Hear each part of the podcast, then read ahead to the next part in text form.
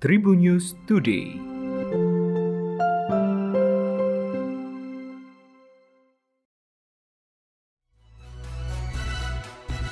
Halo Tribuners, Delta Gonzales hadir membawakan berita-berita terkini dalam Tribun News Today.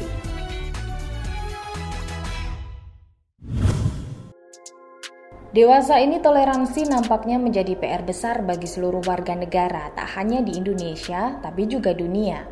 Di Indonesia yang memiliki suku, agama, ras, bahasa, dan budaya yang beragam, toleransi sangat diperlukan untuk hidup berdampingan. Dengan adanya toleransi, tak hanya saling menghargai perbedaan, namun juga bisa merawat kedamaian dalam berinteraksi. Berdasarkan Indeks Kota Toleran atau IKT yang dibuat oleh Setara Institut, menunjukkan skor peringkat pertama lebih tinggi dibandingkan dengan skor pada tahun 2018. Ada delapan hal yang digunakan sebagai indikator meneliti kota paling toleran itu. Dari rencana pembangunan jangka menengah, produk hukum, kebijakan diskriminatif, heterogenitas keagamaan penduduk hingga tindakan nyata terkait peristiwa. Dalam datanya, dari 94 kota yang diteliti, ada 10 kota di Indonesia yang punya nilai toleransi paling tinggi. Nomor satu diduduki oleh kota Salatiga dengan skor 6,717. Diikuti Singkawang, Manado, Tomohon, Kupang di nomor 5, nomor 6 ada Surabaya, Ambon, Kediri, Sukabumi, dan Bekasi di nomor 10. Ada dua kota pendatang baru, yakni Kediri dan Sukabumi. Belgia menarik duta besar Peter Lesohir dari jabatannya di Korea Selatan lantaran dugaan penganiayaan istrinya terhadap pegawai toko pakaian. Bukti video CCTV yang merekam insiden itu sudah tersebar dan memicu kemarahan setelah disiarkan di TV Korea. Pihak berwenang Belgia juga mengatakan mereka melepaskan kekebalan diplomatik untuk istri Lesohir, Siang Suki. Berawal ketika Siang meninggalkan sebuah toko di Seoul setelah mencoba beberapa item. Salah seorang staf mengikutinya keluar dan mencurigai mengutil. Siang yang tak terima menuntut untuk berbicara dengan manajer toko. Kamera toko merekam diskusi panas mereka. Siang terlihat mendorong dua karyawan dan menampar wajah seorang karyawan wanita. Foto-foto karyawan menunjukkan pipinya merah dan bahkan bengkak. Beberapa minggu setelah kejadian, Lesohir mengeluarkan permintaan maaf terbuka atas nama istrinya. Siang telah bekerja sama dengan kepolisian dan telah bertemu secara pribadi dengan dua karyawan untuk meminta maaf.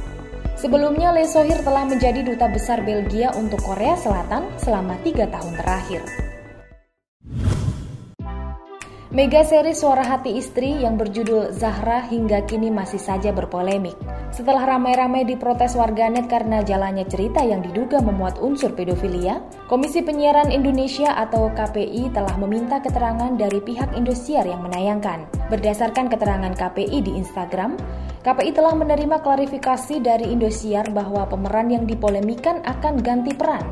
Indosiar akan mengganti peran Zahra dalam tiga episode mendatang. Diketahui Tribuners, Zahra diperankan oleh seorang artis muda bernama Lea Charasel yang masih berusia 15 tahun. Dalam perannya, Lea harus melakoni adegan sebagai orang dewasa yang tengah hamil. Zahra ini diceritakan sebagai istri ketiga dari Pak Tirta.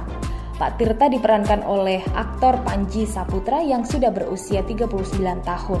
Sebelumnya, ramainya sinetron ini sampai merajai trending topik di Twitter dengan hashtag Zahra. Timnas Inggris dan Prancis menjadi tim yang paling difavoritkan sebagai juara Euro 2020. Dua negara itu masuk bursa taruhan di mana peluang keluar sebagai jawara sangatlah besar.